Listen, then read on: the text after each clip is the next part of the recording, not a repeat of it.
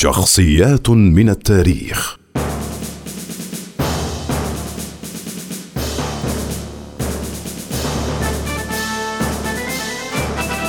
بلقيس. اسم اشتهرت به ملكة سبأ في اليمن القديم وكانت معاصرة للنبي سليمان عليه السلام الذي يرجح أنه عاش في القرن العاشر قبل الميلاد. كتب فيها.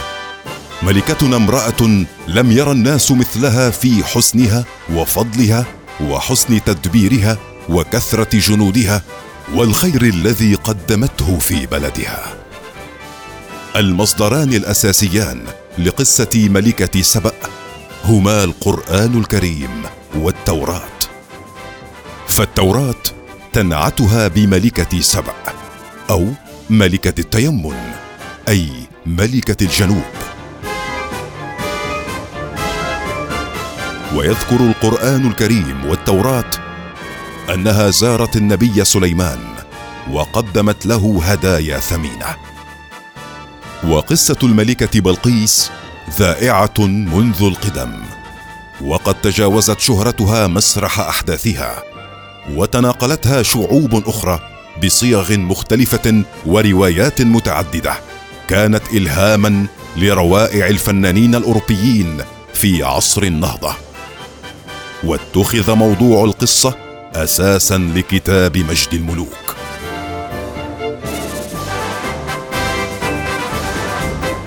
وفي مصادر أخرى لقصة بلقيس أنها عندما اتخذت قرارها بزيارة النبي سليمان كتبت إليه تقول إني قادمة إليك بملوك قومي.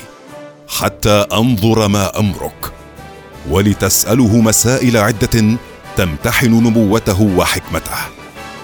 ثم حملت معها هدايا كثيرة ودخلت بيت المقدس بجمال تحمل اللبان والطيوب والذهب والأحجار الكريمة.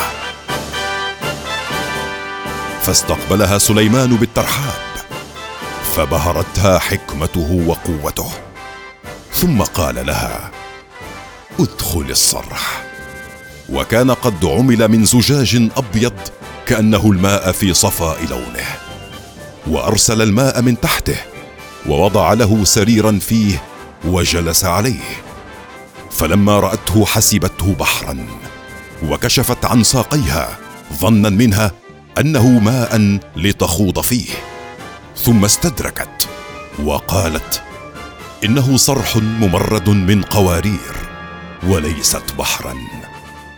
فتفاجأت حين رأت عجيب ما صنع سليمان فأقرت بحكمته ونبوته.